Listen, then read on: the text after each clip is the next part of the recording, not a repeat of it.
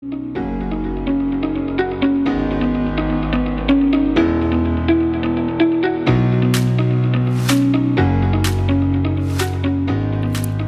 och välkomna till ett helt nytt avsnitt av Lifetalk-podden med mig Karin Haglund, kost och hälsocoach och min man Anders Haglund, transformativ mental coach.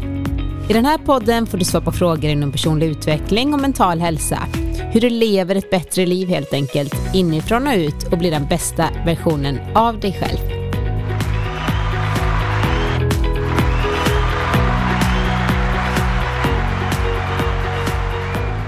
Hej Anders! Hej Karin! Sitter vi här i höstrusket och ska spela in ett nytt poddavsnitt. Ja, det ska vi. Ja, Mysigt. vad härligt. Ja, det är mysigt. Det är riktigt mysigt. Jag hoppas att ni som lyssnar också tycker att det är lite mysigt med hösten och man har kanske mer tid att lyssna på bra poddar.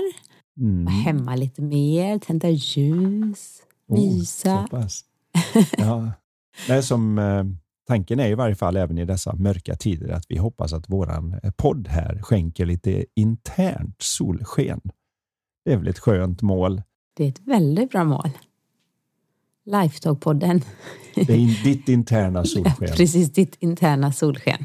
Mm, För det är ju något speciellt med oss människor när vi är på ett bra ställe som gör att alla över hela världen säger att man skiner, glittrar, lyser, Strålar. strålar. Det är någonting speciellt med, med oss. Allt som vi kan ifrån- sända ut när vi liksom vibrerar på en högre energi eller när vi mår riktigt bra. Ja, när vi mår bra så är det ju lätt att tänka att man så att säga tänder den där inre solskenet snarare än att man ser att vi avtäcker våra tankemoln. Så att De vi är ju alltid i kontakt alltid. med det här 24-7 fast det kan kännas som man har tappat det fullständigt och aldrig ska få tillbaka det. Så pass övertygande kan ju den där tankebluffen vara. Men det är ganska skönt. Det är någonting speciellt att veta det. Att nej, nej, nej, nej, nej. Och här är testen. Om du lever så är solskenet på. Mm. Om du inte upplever det så är det lite för mycket tankar som är på. Eller tas på allvar på en sån nivå att det inte får något solsken att lysa igenom. Och det ser vi också då när ögon ser trötta ut, när de ser mörka ut, när de inte har det där lilla extra gnistan som vi söker allihopa tror jag. Och vi letar då utanför istället för internt. Och det är ju det det här handlar om. Glittriga ögon är eh, väldigt härligt tycker jag. Mm. Hos människor. Ja, Och hos sig själv och hos barnen. Och, ja. Ja, jag vill påstå att hela min förändring av karriär från att vara golfproffs till att vara coach och göra det här beror enbart på den att jag upptäckte att se när det glittrar till i ögonen på en annan människa. När de förstår någonting de inte riktigt såg innan och inser att det där kommer göra skillnad för mig. Det där kommer spela ut på ett positivt sätt för mig i något ställe i mitt liv eller överallt i livet beroende på vad det är för någonting. Det var så oerhört mycket mer givande än när en golfboll rullade i för birdie. Även om du tyckte det var givande också. Ja, ganska tillfredsställande. Jag tycker Men fortfarande så, det är fantastiskt att höra det där ljudet när bollen går i koppen. Naturligtvis, men det är någon på här på djupet ett- när man känner att man har gjort skillnad för något runt omkring sig, att man har bidragit med någon Mm. form av värde. Jag tror det är ett av de allra djupaste och mest principiella saker vi har för tillfredsställelse, så man inte ska hamna i det där som Rolling Stones en gång i tiden skrev om I can't get no satisfaction. När de tyckte att nu har vi tjänat alla pengar och vi har Gud, varit med alla tragiskt. tjejer och vi har åkt runt och hundratusentals människor skriker I love you. Och ändå så skri- skriver man då en låt där man sitter på hotellrummet och säger I can't get no satisfaction. Och Jag tror att många kan känna igen sig i det, att det är lite det här man missar att det kommer internt från insidan, men man letar på utsidan. Och som jag vet att jag har sagt förut så är det otroligt svårt att hitta något där det inte finns.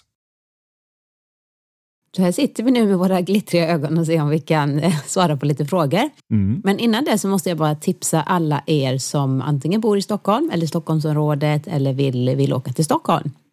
Eller inte ha så långt dit. Att Ja. faktiskt till våren 22-23 april är det precis bokat så eh, kommer vi och har en kurs, ett retreat i Stockholm Ja, på Lidingö, Villa Lovik. Villa Lovik. Villa Precis, heter det.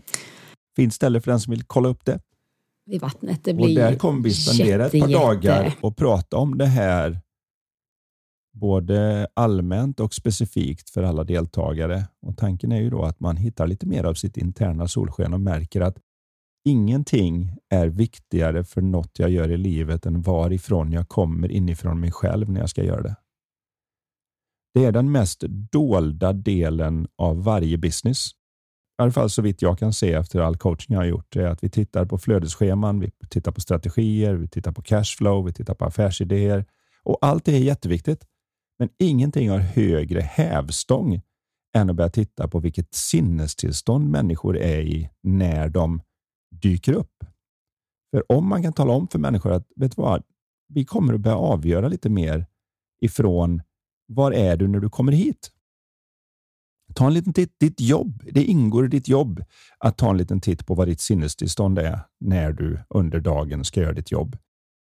Och Om du kan komma bara genom den medvetenheten, vara lite oftare på ett bra ställe, förstå hur otroligt mänskligt det är att tappa det, men veta att på ganska enkla sätt kan man då komma tillbaka.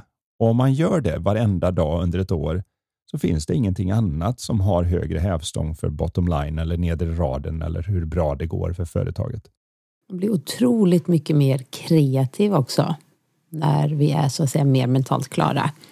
När mm. vi är stressade och pressade så, så är det ju som att vi har liksom vårt IQ sjunker ganska drastiskt och vi kan inte ens kanske då om det hitta bilnycklar eller ha vad det skulle göra. Alltså man är helt stirrig liksom. Det är inte så jättebra om ett företag har människor som ofta befinner sig i en hög stressnivå. Nej, väldigt många när jag är ute på företag beter sig som att de precis vet om att de har felparkerat bilen och springer omkring och yr. Jag måste göra det här för jag måste ut och fixa detta. Så, och så märker de inte att det är det som gör att man gör fler misstag. Eh, det är det som gör att jag har interaktioner med övriga medarbetare som sätter käppar i hjulet för att kunna samarbeta på ett riktigt bra sätt. Så man tittar inte i den riktningen. Man lägger inte upp det på bordet. Jag menar, går man in i ett styrelserum, ett av de viktigaste sakerna för en styrelseordförande är att säga det, mina damer och herrar, eh, det handlar om att hamna på ett bra ställe här.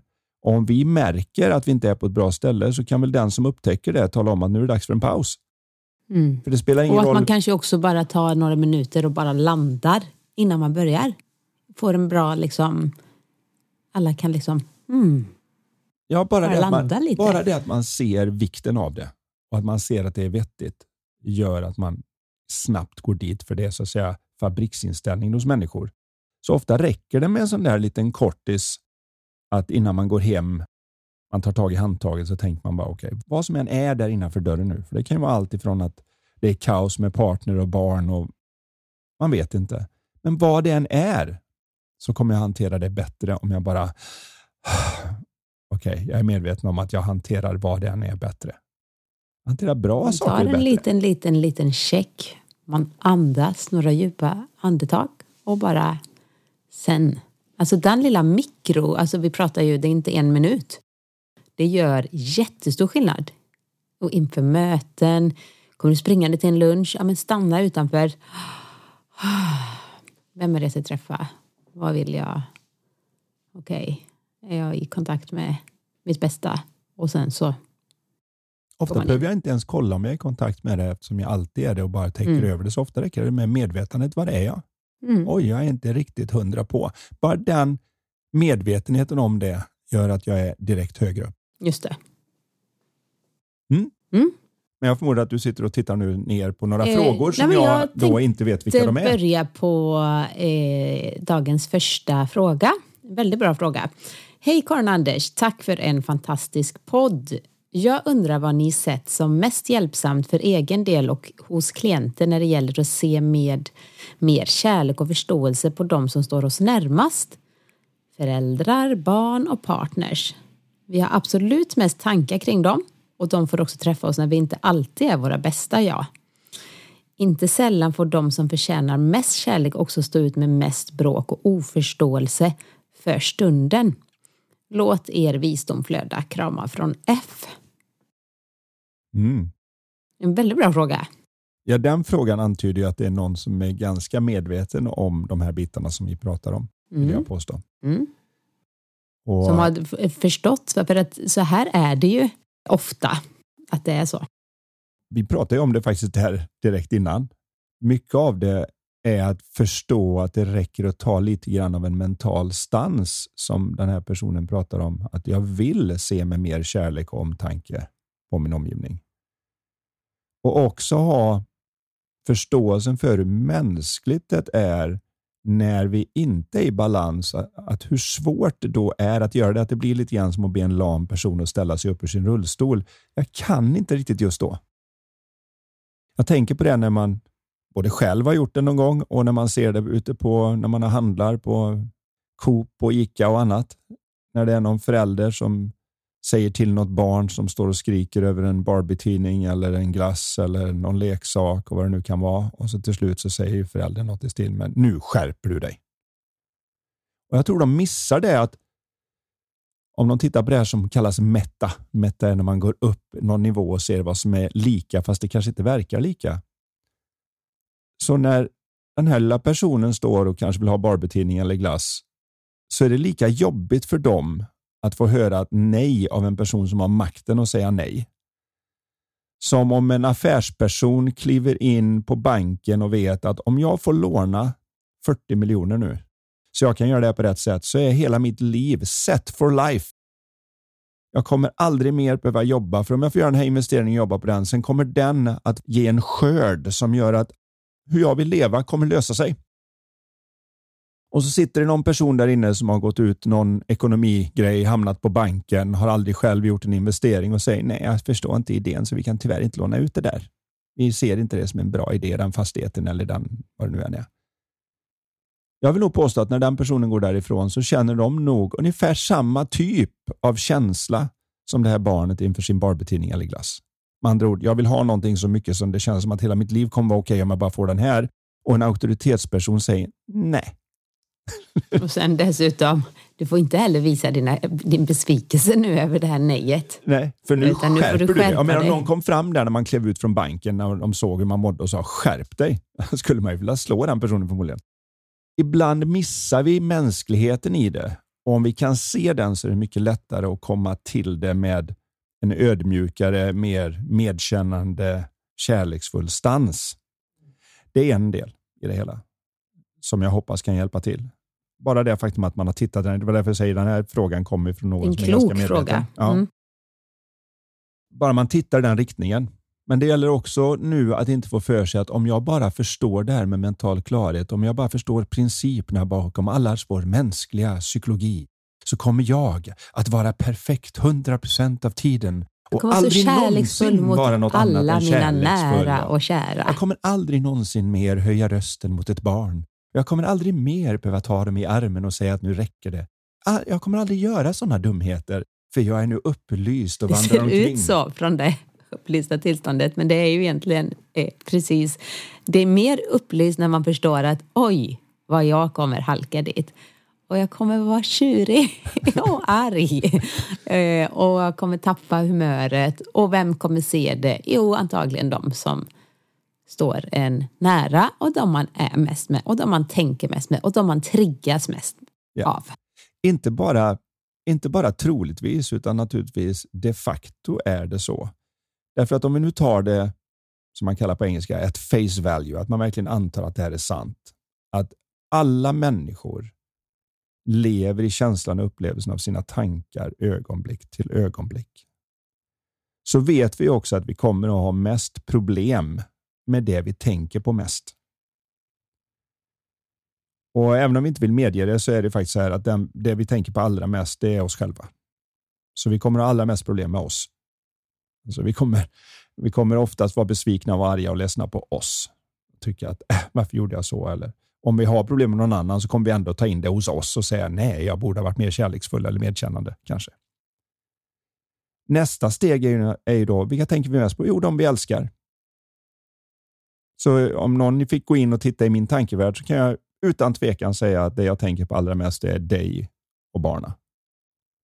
Så då kommer jag ha mest problem med dig och barna. För jag tänker oftast på er. Så får jag låg tankekvalitet under en period och de tankarna faller på er som är troligast, så får jag problem med er.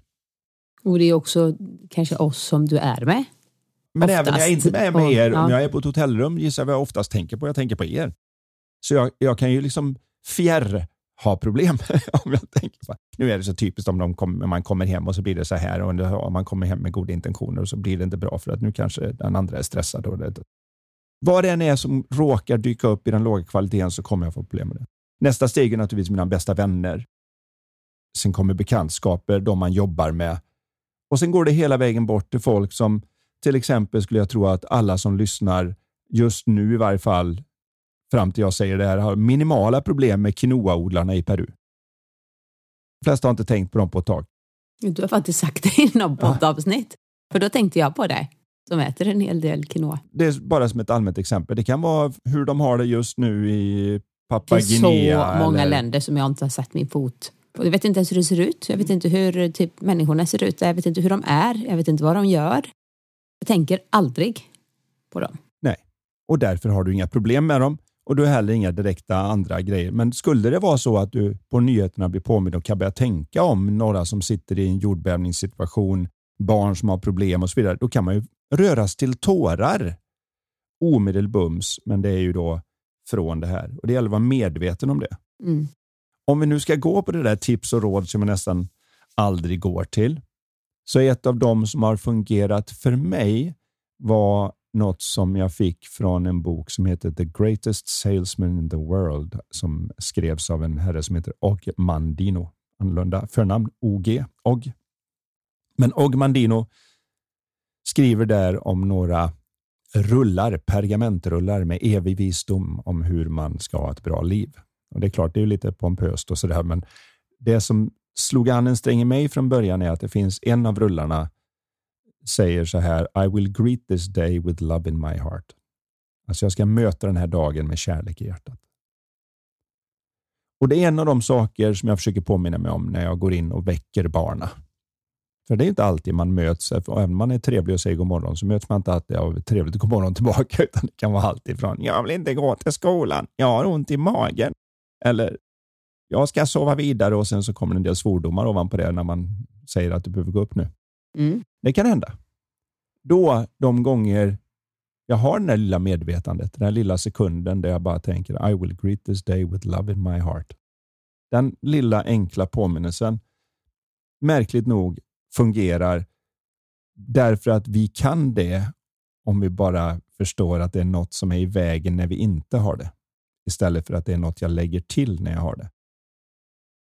Så det är som att den där kärleksfulla känslan är då fabriksinställningen. Men vi behöver så att säga starta om datorn. Det är som att ringa till datasupporten när man har problem. Det första de kommer säga är liksom, har du startat om datorn? Och så gör man det och så säger man, nej det funkar nu, lite pinsamt så. Samma är det med vår mentala stans. Att det, lite då och då behöver vi checka in bara. Och ett av mina sätt att göra det på är, och nu gör jag det på engelska för jag har bott i USA.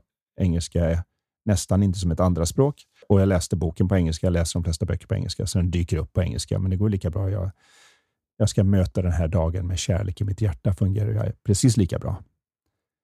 Och Den lilla påminnelsen, men också en förståelse för att det är ingenting som funkar, men det är en bra riktning att titta i. Så man inte tror att nu säger jag detta och ändå så blev jag irriterad när jag inte blir mött med samma respekt och medkännande som jag kom in med. Och då drogs jag iväg. Gud, jag är misslyckad som människa.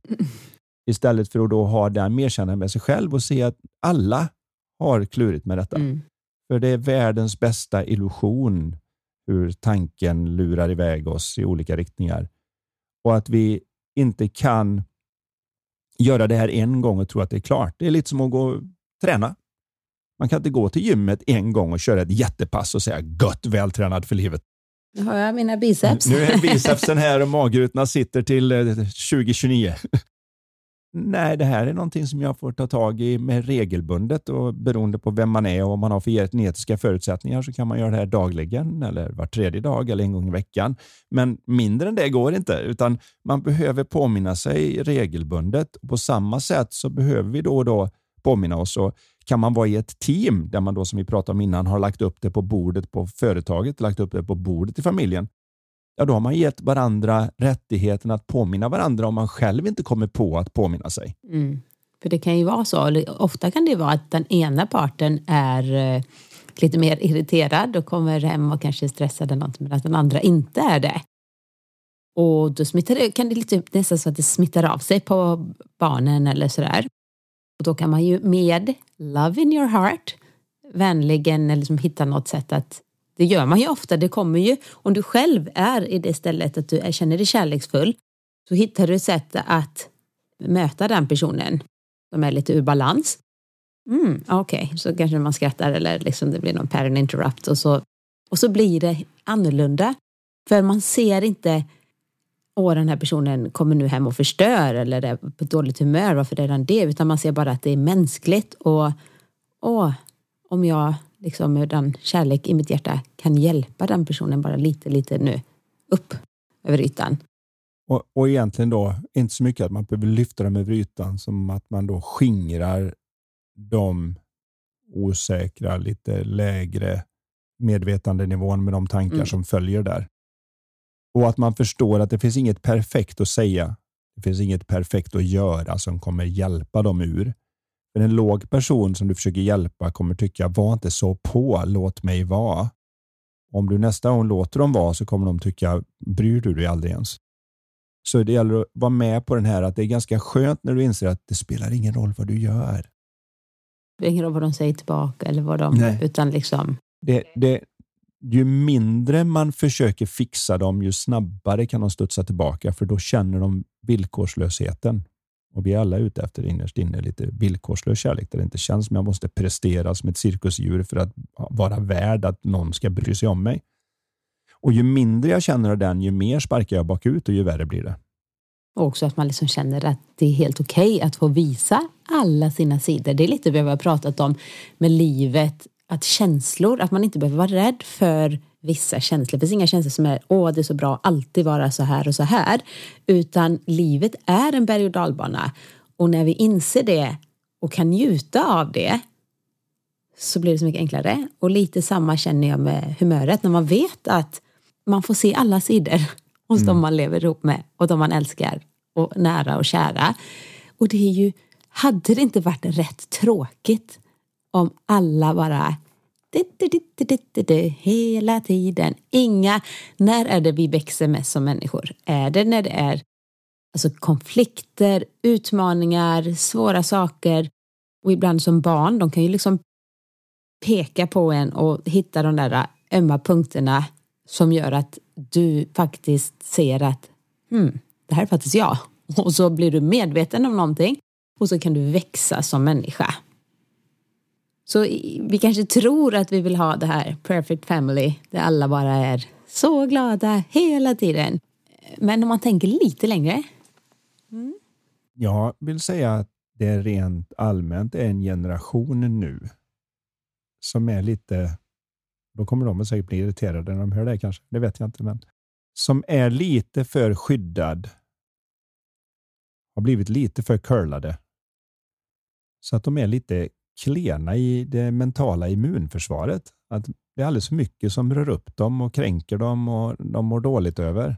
De har liksom inte fått chansen, så det är nästan som att de växer upp med idén att någon form av bekvämlighet och lyx är hela målet med livet. Och Då blir det lite som om man åker ut i rymden, vilket inte är så bekvämt och lyxigt naturligtvis, men däremot så är det extremt lyxigt för kroppen när den inte har gravitation. För allt är jättelätt. Jag kan lyfta två ton med pekfinger och skicka iväg det någonstans. Pötta det så åker det på sin väg hela vägen till Mars nästan om jag pötter iväg det i rätt riktning. Men när jag kommer tillbaka från det så har jag inte en muskel. Jag kan, till och med den mest vältränade astronaut får bäras ut på bår. När jag fysiska väl... motstånd? Du har, inte, du har inte fått något som utmanar dig, inte något som får dig att kämpa. Så att ibland så är det som att vi tror att om vi bara kan undvika alla problem så om jag bara grejen. blir känd och bara tjänar massor med pengar. Mm. Oj, oj, oj. Och allt kommer vara bra. och då, då kanske det blir som det där, I can't get no satisfaction. Ja, Ofta för det är ett imaginärt tankehåll. Man försöker fylla med allt det där istället för att se att det jag vill ha är egentligen inte bekvämlighet och lyx och enkelhet. Titta bara på varenda barn ta våra barn om man skaffar dem något spel på PS5 eller vad det kan vara. Om det spelet går att spela igenom utan problem så är det ingen som vill spela det. Det är Man vill kul. definitivt inte göra om det. Nej, men du, du liksom, uh, jaha, vilket menlöst spel. Det gick ju hur lätt som helst. Uh, alla ledtrådar fanns. Jag behövde inte leta efter något. Det, uh, spelet tog över om jag Kanske siktade fel. Kanske det jag det skulle börja med eftersom jag inte aldrig har spelat i hela mitt liv och inte tycker alltså jag fattar inte grejen. Det kanske är svårt för mig. jag har spelat typ Minecraft en gång och någon sån här zombiespel en gång. Jag fattar ingenting. Det, ja. ja. Ja, men det är ju inte konstigt om du inte fattar någonting om du aldrig gjort det. Nej, det är det ju inte. Men jag blir helt också yr av när man går. Alltså jag, jag förstår ju att Alltså när jag rör den här, mm. ja, nu låter jag ju verkligen som en... en eh, Härlig stofil av andra generationen. Ja, men, men, jag tror att, att man kan börja se att vi vill faktiskt ha problem och att det är en enorm skillnad på att gå och lägga sig på kvällen och tänka så här, hoppas jag inte har några problem imorgon. För om jag bara inte har några problem och allting bara flyter perfekt, då kommer min dag vara bra. Och att gå och lägga sig på kvällen och inse att problem är något som ingår i livet och det är vårt gym på ett sätt. Det är det som tar mig till nästa nivå i spelet. Vill möta så, dagen med kärlek. Och att man också ser så här, jag kommer ha problem. Att leva innebär problem, så jag kommer ha problem. Så det är skillnad om jag då lägger mig på kvällen och tänker, det ska bli spännande att se hur jag löser mina problem på ett riktigt bra sätt imorgon. Det är en jättestor skillnad på den stansen och säga, hoppas jag inte har några problem. En av de utmaningar vi kan ha är ju då till exempel, hur kan jag vara mer kärleksfull? Hur kan jag möta mer medkännande min omgivning? Men bara det att jag tittar i den riktningen så börjar knutarna lösa upp sig. För Det var väl någon filosof som sa en gång i tiden eh, att allt du behöver är att ta det första steget så kommer nästa steg att visa sig. Men om du inte tar det första steget så syns aldrig det andra. Och Många tror att jag måste veta allting och kunna förutsäga framtiden så jag vet att det aldrig kommer göra ont och det kommer aldrig vara jobbigt. Och mm. inget, inget kommer hända mig. Och om jag vet allt det och jag kommer leva i lyx och bekvämlighet, ja men då är du som en astronaut fast mellan öronen. Du behöver bäras ut på bår när du får gravitation på dig. Eller så händer någon liten grej så bara, ah, hjälp jag får ångest. Ja. Nu är du taskig som sa så för nu mår jag jättedåligt. Och Det är en enorm skillnad på att tala om för ett barn att oj vad de taskiga mot dig, du ska inte låta någon vara taskig mot dig. Och att säga, jaha, var de taskiga mot dig, men du vet om det att ingen har makten att få dig att må dåligt. Ingen har makten att få dig att tänka så att du mår dåligt. Om du tar in det i huvudet och gör om den så kan inte de få dig att må dåligt. Det är en enorm skillnad för den ena vaccineraren. För då kan man ju till och med på något vis tänka, wow, men det är fortfarande inte okej okay Nej, för någon det är, inte att vara... God, det är inte ett godkännande. Det är inte okej. Okay. Men återigen, det är som det där innan jag kommer in genom dörren. Man kan peka lite åt det hållet, även för barnen, ja, för det, det är spännande. Du kan hantera saker och ting. Det är som innan den där dörren. Vad jag än som är innanför dörren hanterar jag bättre när jag är lugn och harmonisk och mentalt klar. Mm. På samma sätt är det så här när jag väl förstår att de har liksom inte rätten att göra det, men de kan inte heller. Så jag behöver inte ge mig på dem där ute, för det finns alltså en öppning i vår mänskliga förmåga att kunna se att ingen människa som någonsin har gått på den här planeten eller som går där nu eller som kommer gå på den har varit medvetet elak när de mår bra. Vilket innebär att om det är någon som är taskig mot dem så mår de på något vis dåligt inombords. Du går inte omkring och tänker Gud vad livet är härligt, jag känner mig nykär och allt går framåt. Jag har nog aldrig känt mig så lycklig i livet. Skitstövel! Det är inte hur, hur vi fungerar. Så när vi då får det här från oss så har vi en möjlighet att se att hmm, vilken tur att jag inte bor där inne, för det måste vara hemskt att vara där nu. Jag har varit i det läget själv där jag vill nästan riva världen runt mig för jag tror att det ska få mig att må bättre. Så då kommer det automatiskt det här medkännande. in your heart. Just det, för då har jag ett medkännande för dem, för jag kan se det mänskliga i.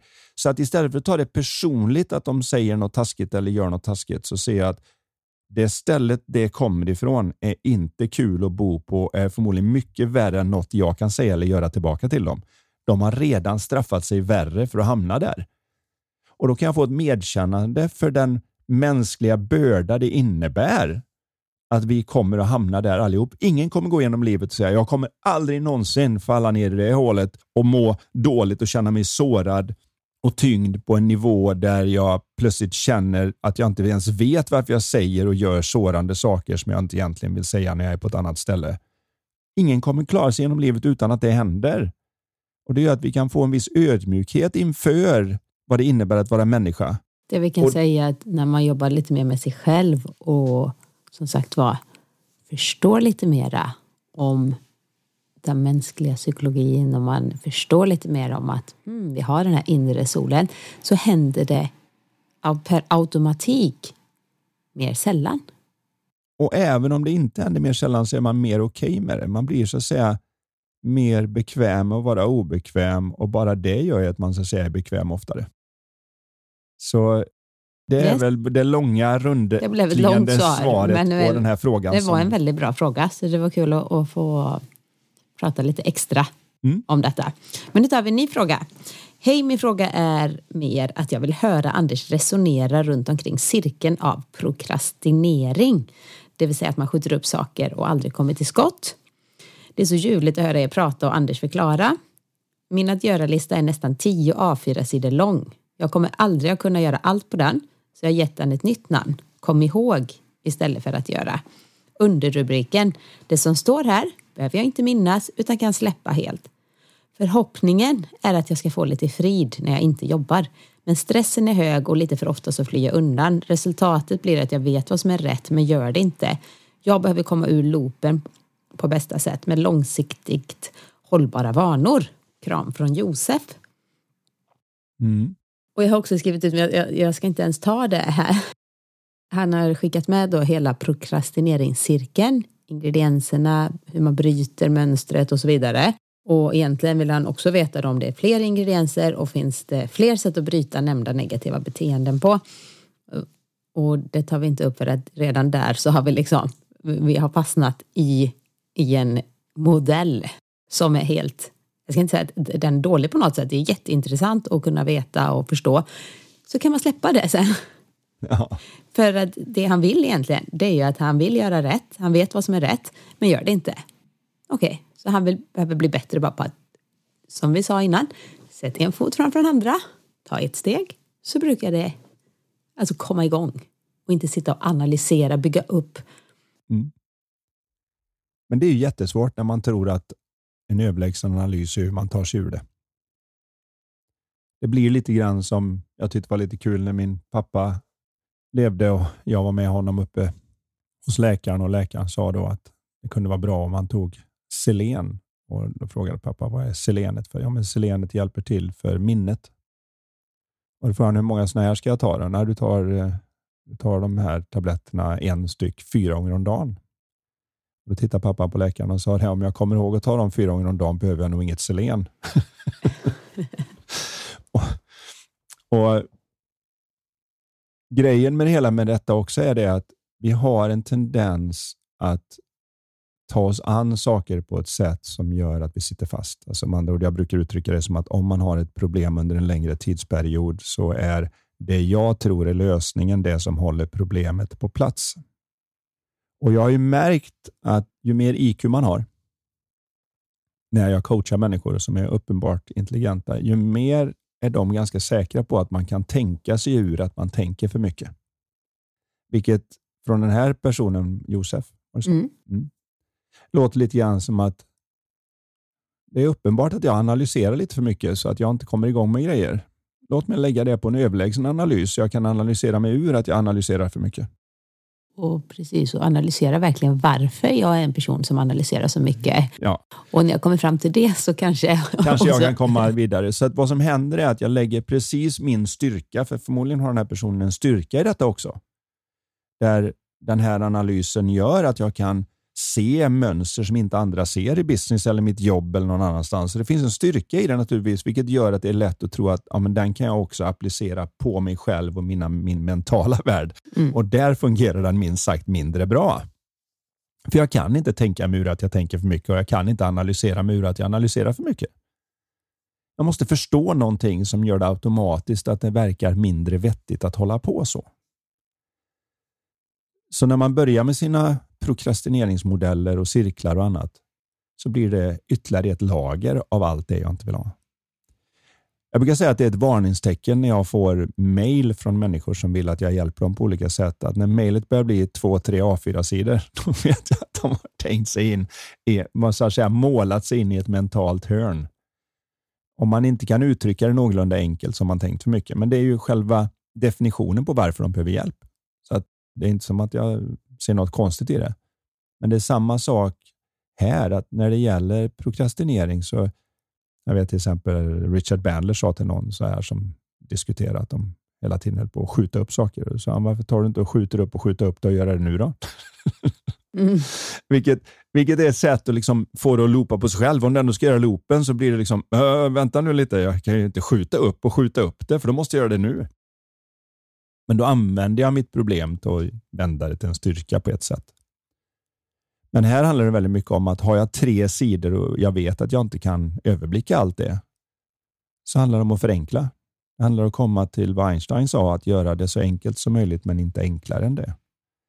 Och Hjärnan fungerar så att jag kan inte ta emot mer än tre saker samtidigt och maximalt komma ihåg sju bitar. Det, det är så som hur jag överför information från korttidsminne till långtidsminne och så vidare fungerar rent neurologiskt. Och Jag kan bara ha en sak i huvudet medan jag utför om jag ska utföra den bra.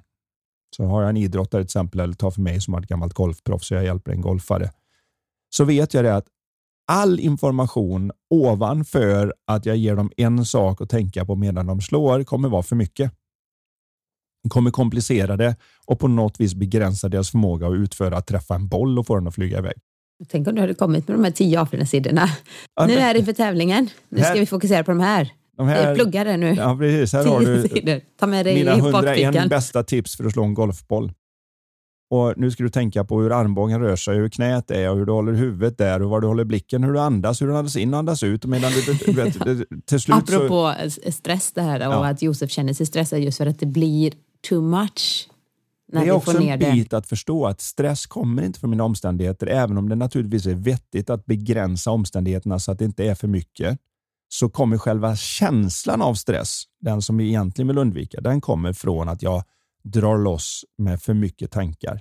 Så det kan man göra utan att ha någonting att göra. Du kan sitta med ingenting att göra och börja fundera på allt du borde göra och alla ställen du borde vara på istället för att sitta på den soffa du sitter på nu när du har en ledig dag. Och Om du kommer igång med det så kommer du börja känna en känsla av stress fast dina omständigheter är de lugnaste du någonsin har haft.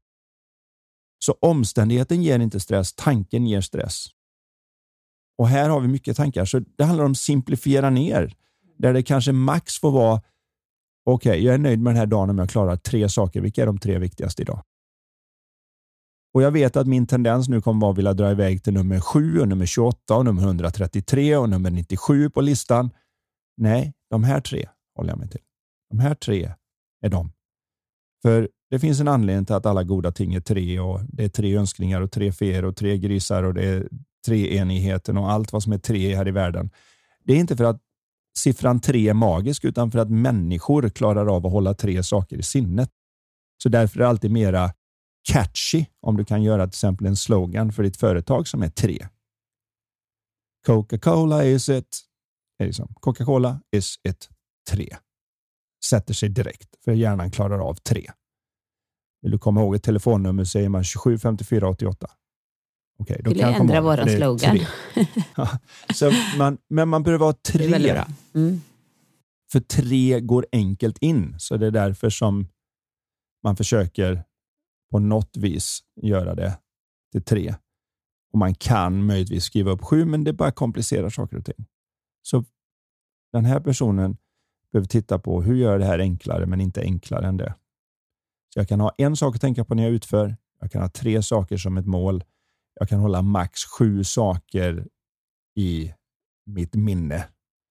Och så fort det, jag lämnar det så kommer det leda till förvirring, stress och press och att jag inte utför så bra som jag hade kunnat. Det är bara en mänsklig sak i detta.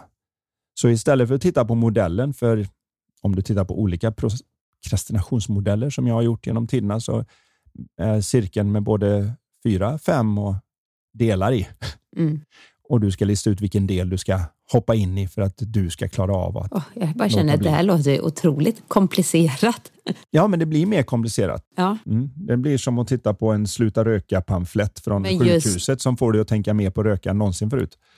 Istället för att det hjälper Jag dig. är ju, måste jag säga, just på den här grejen, där är jag ju, alltså jag har ingen prokrastinering kring något. Jag är verkligen en sån just do it Nike. Mm. Och, men jag vet egentligen inte riktigt hur jag gör. Men jag, jag, jag tänker, jag hör någon som säger ja, jag måste göra det här eller så bara, men antingen gör det eller så gör det inte. Alltså jag, jag fattar inte att man tänker på saker som man ska göra. Eller jag borde träna eller jag ska nog, om jag bara skulle kanske gå och hämta, ja men sätt på dig skorna, gå ut. Alltså för mig är det så här, jag låter ingen bra coach här men jag fattar inte problemet. Det är, bara, det är bara att göra. Men jag tror också att om man har simplifierat det i huvudet, så till exempel jag går upp på morgonen, jag tränar. Jag behöver inte tänka att jag ska träna. Men om jag ska tänka och har skrivit upp en lista. Karin, nu börjar du först. Gå och hämta den här pinnen. Jag gör ju såna här, mina så här pinnövningar för rörlighet. Andningsövning. Gör de här fem olika. Gör de här stretchövningarna. Gör de här. Drick två glas vatten. Hade jag skrivit upp allt det innan jag ens började rulla ut yogamattan och yoga så alltså jag hade delat upp det i min hjärna som att nu gör det, det, det, det, det, det, det. Då, då blir det mycket. Men för mig är det träna. Träna. Och så ingår det en massa olika delmoment i det. Men de tänker jag inte så mycket på som olika. Men jag tror att de som har lite svårare att komma, vad ska jag säga, över tröskeln. Då tänker man nog, ska jag träna och då måste jag ju gå och sätta på mig skorna och så måste jag byta om och så måste jag värma upp och, så måste jag göra det här. Jag måste kanske ta bilen till gymmet eller så ska jag kanske gå, åh oh, gud vad jobbigt. För man gör det istället för att bara tänka, okej, okay, träning, träna. Och så har man inte massa tankar kring vad det innebär. Det som du nämner nu då, och man ska ju komma ihåg nu att eh, du gissar ju lite på vad det skulle kunna vara hos dem som inte har det eftersom du inte har det själv. Nej. Men det, inom psykologin kallas det för chunking. Att Nej. ju mer du chunkar ihop saker, mm. som när man till exempel börjar lära sig någonting så är det nästan alltid så att det blir många detaljer. Så det kan ju vara allt ifrån att lära sig dragläge när man ska köra bil, liksom hur man trycker lagom på bromsen och kopplingen för att den ska hänga i backen och vad man nu behöver lära sig innan det allt är automatiserat. Mm. Och du behöver växla och titta i backspeglar och allt det där.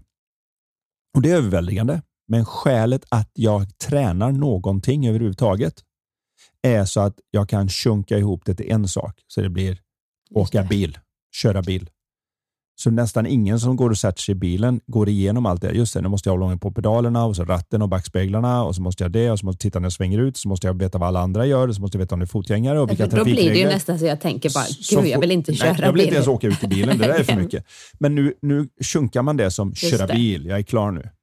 Samma blir det för varenda idrottare som jag coachar på professionell nivå eller världsnivå eller var de nu befinner sig, är ju det att all träning de gör är så att de ska slippa tänka på det. Och ibland missar de det och fortsätter tänka på det. De inser inte att jag tränar tills jag inte behöver längre tänka på hur den där armbågen rör sig för att rätt teknik ska uppstå. Eller hur jag skjuter ifrån från marken på rätt sätt för att få maximal kraft i vad jag ska göra. Alla de sakerna går till ryggmärg och blir som att köra bil. Och För dig är ju att gå och träna är en chunk. Nu ska jag träna. Klart. Det är inte 72 olika moment i det. Det är det, men för dig är det köra bil. Ja, det är samma laga mat. Det är ett moment. Men jag kan stå där, jag kan hacka upp alltså så många olika, jo, som en buffé. liksom, jag gillar Men hade jag liksom, oh, skrivit en lista då. Gör hummus, pickla rödlök, eh, skiva de grönsakerna, eh, gör eh, falafel, gör det här. Nej, det är laga mat. Stå mm. i köket, laga mat. Åh, men jag kan ju nästan gå loss åt andra hållet då, för då kan jag ju komma på att där ligger en sötpotatis och där ligger några morötter, men de stoppar in i ugnen. Ha, ska vi äta? Nej, nej, det kanske blir till imorgon. Alltså jag, När vi jag ändå är nästan- igång så slänger vi med det också. jag gör nästan too much, för att, men det kan ju vara för att jag då... Definiera nästan. Det är himla bra Anders. För det är, det är nackdelen ibland med att vara som du, där det aldrig finns en spärr. Det finns, jag har ingen. Jag kanske borde ha spärr. lite som Josef. Han kunde ge mig lite, vi kunde ha ett utbyte här. Han får ju, lite mer av mitt och jag får lite prokrastinering. du har ju lärt dig att liksom på något vis göra, göra, göra så att jag får sätta mig ner. Men eftersom du alltid kommer på något nytt att göra och det är enkelt att göra och du bara gör det så kommer du aldrig sätta dig ner. Det är ju din Det är ju det är tur att man inte ska sitta så mycket. Vi mår faktiskt väldigt bra av rörelse, men jag håller helt med. Och ni som känner mig, ni vet, jag är som en virvelvind. det är min nya smeknamn tror jag. Nej, men jag vet ju att det, jag, kan ju, jag kan ju stå och precis ställt fram ett glas och hällt i någonting som jag tänker ha och så ska jag dricka det, men då är det redan borta och diskat. Och jag vet inte ens hur det gick till. Det är som att det är någon sorts osynlig karling som virvlar förbi och så bara Ja. zup, så är allting rent. Man tänker, men jag skulle precis använda det, nu får jag göra dubbelt jobb här. Fast jag ser det inte som så jobbigt. det. Det, bara, det är bara att ta fram ett nytt Nu får du glas. väl ta fram ett nytt glas då.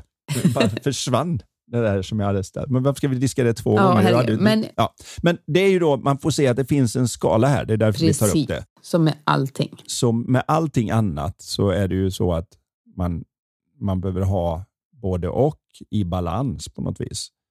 Och att man har den balansen ju mer man är så att säga, i ett klart seende. För då kan man se att när, nej men du vet vad, det är bättre vi väntar med det. Och jag kan ju se när jag är i det tillståndet att ja, men du vet vad, låt den där sötpotatisen vara nu. Alltså jag kan Du faktiskt, har ju börjat kunna se det. ja, Ja. men, och men för dig är det stort. för mig är det stort. är det- När, när om du visar någon övning så kan jag liksom känna så här, nej men jag är färdig nu. Alltså, Mm. Du brukar hjälpa mig när jag styrketränar. Ja, men du kan göra ett sätt så här, nej men jag är faktiskt färdig. Mm. Och det hade aldrig hänt innan, för det hade bara, ja, mer, mer, mer, oj, det Oj, blev för jag mycket. är helt överkörd här och kan inte röra mig idag. Precis. För Det var en sån Eh. spännande ny grej, så det måste man göra med en gång. Så Ja, men- där, där, där, och det, det jag menar att det återigen kommer vi tillbaka till mental klarhet och då kan man använda sig av det och det är också väldigt bra att kunna veta. Jag har en tendens till det här och när jag är lite ur balans då kan jag till exempel jag, då kan jag bli lite manisk. Och när jag är i balans så är det helt underbart, fantastiskt, jätteunderbart att vara så driven och ha så mycket idéer och göra saker. Och så vet jag när jag ska sluta. För det är ju det med att ha en låg tröskel på görande är ju att det kan bli lite för mycket gjort så att det blir dubbelarbete och att man ibland inte får rätt timing. Det finns ju en timing till universum också där det ibland faktiskt inte är ett uppskjutande utan bara väntande på rätt tidpunkt. Det här är du väldigt bra på. Alltså du är ju verkligen så här, jag tänker, men kom igen nu, bara gör det här nu. Men gör det. Som, jag säger det ibland, jag vill inte vara en papegoja, jag känner mig som en papegoja. Och sen så händer det någonting och så ringer någon och så blir det så, här, så blir det så himla bra. Ja, gud, nu blev det rätt. Precis just nu, nu blev det rätt beslut med detta. Sådär. Så du är jättebra på tajmingen. Mm. Men då har min tendens är ju ibland då när man inte känner igen timing och man inte är Så- mentalt klar, Ja, då skjuter man upp och väntar fast det inte är någon timing utan timingen var fel för jag borde gjort det då. mm, precis. Så att vi matchar ju varandra bra där. Och därför kan ju du lära dig lite av mig på att hitta mer timing Mm. och jag kan lära mig av dig om hur man kliver rakt in i det när det är enklare saker som inte spelar så stor roll om det är tajmat eller inte. Är du med? För det är ju inte att vänta på timing med tvätten. Nej, det är... Den ska ju bara in och Ja. bli gjord så fort som möjligt. Vad det än är så har man den här när man ser att det här är ett evigt lärande och att det verkligen är så att man inte lär så länge man lever, man lever så länge Mm. man lär. Och Jag hoppas här att Josef får ut någonting av att titta i en enklare riktning och att få ner det till en mera hanterbar mänsklig lista för ingen fixar sina 124 grejer Nej. utan det är lite är magiska begränsningar han med är ju- 1, 3 och 7. Ett utförande, tre komma ihåg, sju maximalt att ha på listan egentligen. Han är ju på fungera. väg åt rätt håll. Han har liksom ändå blivit eh, medveten om att okej, jag hade en att göra-lista. Han kände sig liksom att okej, tio sidor lång. Men han ändrat att inte kom ihåg. Så det är bra, men han kan också stryka massor av saker. Saker. Saker, saker. Eh, och sen så behöver man inte alltid titta på sin lista utan man kan bara börja göra istället. Ja, någon av dem så att säga. Ja, och, och lite mera vad där. Det behöver inte man... vara de perfekta tre jag väljer ut. Det är också en grej som många gör, att det blir en viss FOMO som det kallas, vet, fear of missing out. Där. Och Det innebär då att jag, gjorde, jag gick på fel fest, jag tog på mig fel grej, jag gjorde fel val. Så jag gör ingenting för jag väntar på den rätta tajmingen. Istället för att se att, vänta lite nu, det är inte så noga vilka tre. Det är klart jag ska ta en titt och se vilka tre som verkar vettigast, men bara den där liksom, när jag måste välja ut de perfekta tre för den här tisdagen. Vet Jag känner Eller igen jag måste ha den perfekta så... tre för den här fredagen. För då, då, då händer ingenting. Jag känner igen detta tankesättet så tydligt med de jag coachar och många människor jag kommer i kontakt med. Jag jobbar ju som kost och hälsocoach. Då är det så här, de, har, de kan så mycket. De har så goda skäl. De vet så mycket. "Ah, Fast vad säger du om det här då? Är inte det farligt att äta? Är inte det sånt i de grönsakerna? Eller är inte det? Eller hur ska man komma det? Och jag känner liksom att de har fastnat där. De kommer inte loss. För de gör ju ingenting. Ser jag på hur de äter eller hur de lever så varken tränar de kanske eller äter bra. Men de kan en himla massa. Och de, har liksom, de försöker skapa den perfekta planen innan de kommer igång. Och då kan vi komma ihåg om bara, alltså bara, alltså åtta av tio svenskar idag, vuxna människor, får inte i sig minimum behovet av frukt, bär och grönsaker. Åtta av tio, 80 procent. Hallå, kan vi börja där? Nej, då ska vi analysera. Hur mycket protein äter du? Ja, efter träning måste jag ha så här, jag måste ha optimala. Ja, är det inte det här farligt? Är det inte lektiner i det? Är det inte det? Alltså, vi nördar in oss på så mycket detaljer utan att, ja, det hade varit helt okej om 10 av 10 äter, så då kan vi börja finlir. Okej, hur är din tarmflora? Tål du det? Jag kanske behöver omkoka mina grönsaker. Så då kan vi börja med finliret. Men hallå, träning, minst 500 gram frukt, bär och grönsaker, jag brukar säga 800 gram. Dricka vatten. Alltså liksom få någon form av återhämtning varje dag. Sova åtta timmar. Hur många tror du sover åtta timmar? Mer än 30 procent av Sveriges befolkning har sömnproblem. Problemet. Mm. Ja, vi har gått väldigt långt ifrån det som är naturligt och väldigt mycket in i det som är normalt. Och normalt är ju normalt just för att många gör det, så då börjar det kännas som att det är okej. Okay. Istället för att säga att nej, nej, nej, nej, nej. Det, det här är inte hur det borde fungera. Men återigen då tillbaka Ja. till att eh, vi vill få det lite Keep enklare. it simple.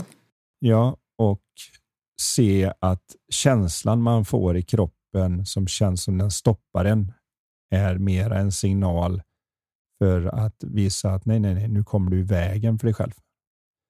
Jag vet, jag sa till någon klient så här att när det känns som universum är emot dig för att det känns för svårt och för jobbet så är det inte att universum är emot dig. Det är för att universum kollar om du verkligen vill.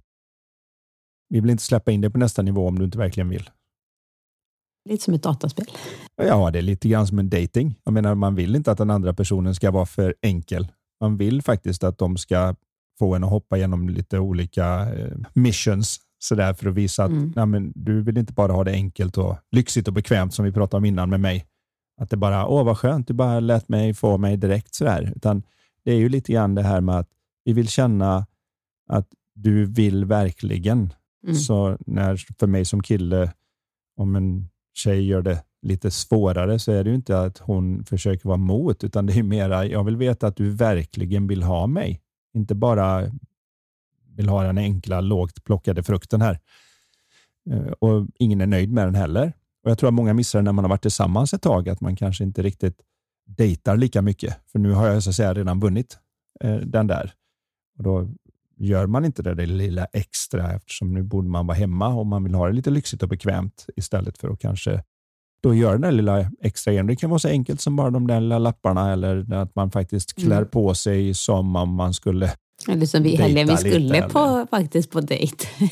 Men det blev inte så. Nej, Det blev inställt. Men vi kanske Vi ska till nästa. men det är inte lätt med tre barn och business och allt Och det andra som alla vet. barnvagn. Men intentionen finns där att försöka och jag försöker alltid lite grann i vardagen visa att jag uppskattar oavsett om det är med en liten oväntad present eller att man säger en liten kommentar eller så. Men det handlar inte om att ja, det måste man hålla på med. Nej, men det är bara Nej. för att visa jag vill vara med dig. Det är inte att jag måste vara med dig. Och du älskar att överraska och jag älskar att bli överraskad. Så där funkar det ju väldigt bra. För att det kan ju vara precis helt i vardagen när du absolut inte tror du kanske vad ska in i duschen för att du har varit och yogat och så ska du sätta dig och jobba eller någonting. Eller vad det än är. Eller någon, något barn ska bli, ja, ha, ha hjälp med någonting som ropar. Så kan du bara komma, tada! Va? Paket? Va? Nu? Ja men okej, okay, det var verkligen inte vad jag såg skulle komma idag här precis just nu. Men ja, och då kan jag ju nästan bara säga, ja, kan inte bara få så här, mm, Kan jag få lägga undan den när jag är redo? Kan jag få lägga den här på en fin plats? Och så vill jag liksom nästan göra alla de där, släcka de där bränderna först och så sätta mig och så bara, mm. Men du är lite mer som en hund, bara så här, nej, nu, nu, öppna, öppna. Okej, okay. ja, ja, men eh, gör vi det då. Så kan det vara. Ja. Ja, jag hoppas att detta kan hjälpa Josef på något sätt med det här med att om både förenkla och komma igång med de sakerna som verkar vettigt och att när man inte gör det inse att jag kan vara lite snällare mot mig själv när det händer och det gör inte att jag blir lat och inte gör saker utan det faktiskt tvärtom blir lättare att komma igång nästa gång. För ju mer jag piskar mig för det jag inte gör, ju svårare blir det att ta sig an nästa för jag vet hur hård jag kommer vara om jag inte får till det. Och då går det lite in i översta frågan där. I will greet this day with love in my heart. Alltså man är lite snällare mot sig själv. Man är lite snällare mot... Jag skulle säga så här, för att inte komplicera det hela för snäll, då tänker man ibland så här att som när barn säger, ja, men snälla kan jag inte få en glass? Var lite snäll. Ja, men jag är inte snäll om jag ger dig en glass innan maten. Så kärleksfull mm, kärleks. mot dig själv. För kärlek det innebär att jag gör det som jag vet är rätt för den andra personen, även om jag får skit för det. Så, också att vara lite mer kärleksfull mot sig själv så ser man ju sig själv, alltså om man då inte har lyckats med de här sakerna så försöker vänta liksom, vad har jag lyckats med? Och ibland, vissa dagar, man kanske inte lyckas med någonting, det har varit en skitdag rent ut sagt. Så kan man ha, vara kärleksfull i det.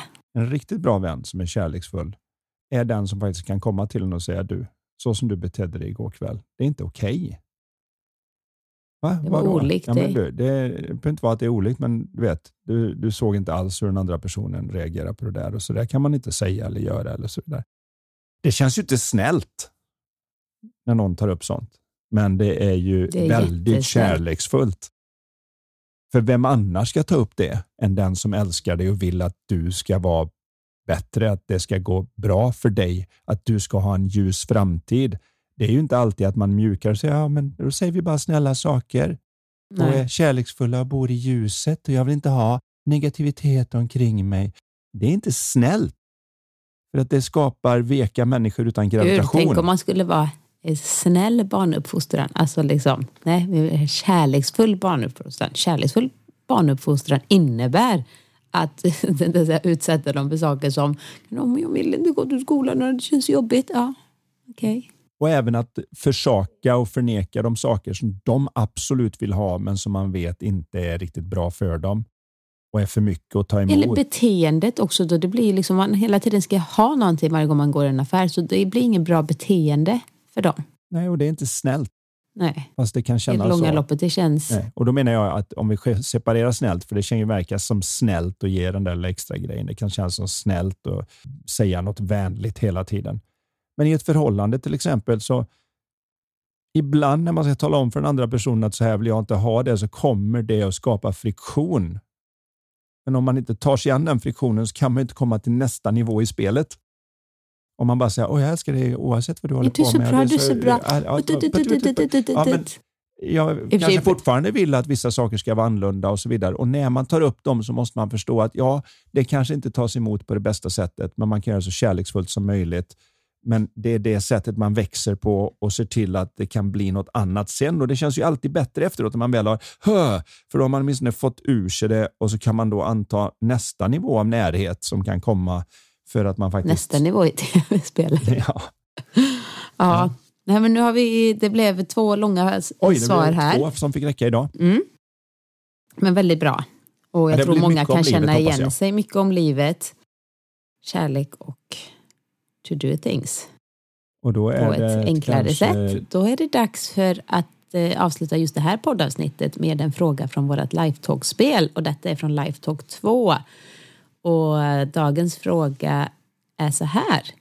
Vilken är den känsla du gillar mest att ha och var i kroppen känns den då mest? Mm. Du hade någon känsla direkt där. Ja, den dök upp bara Du blev mös, påmind. mös dig på. Ja.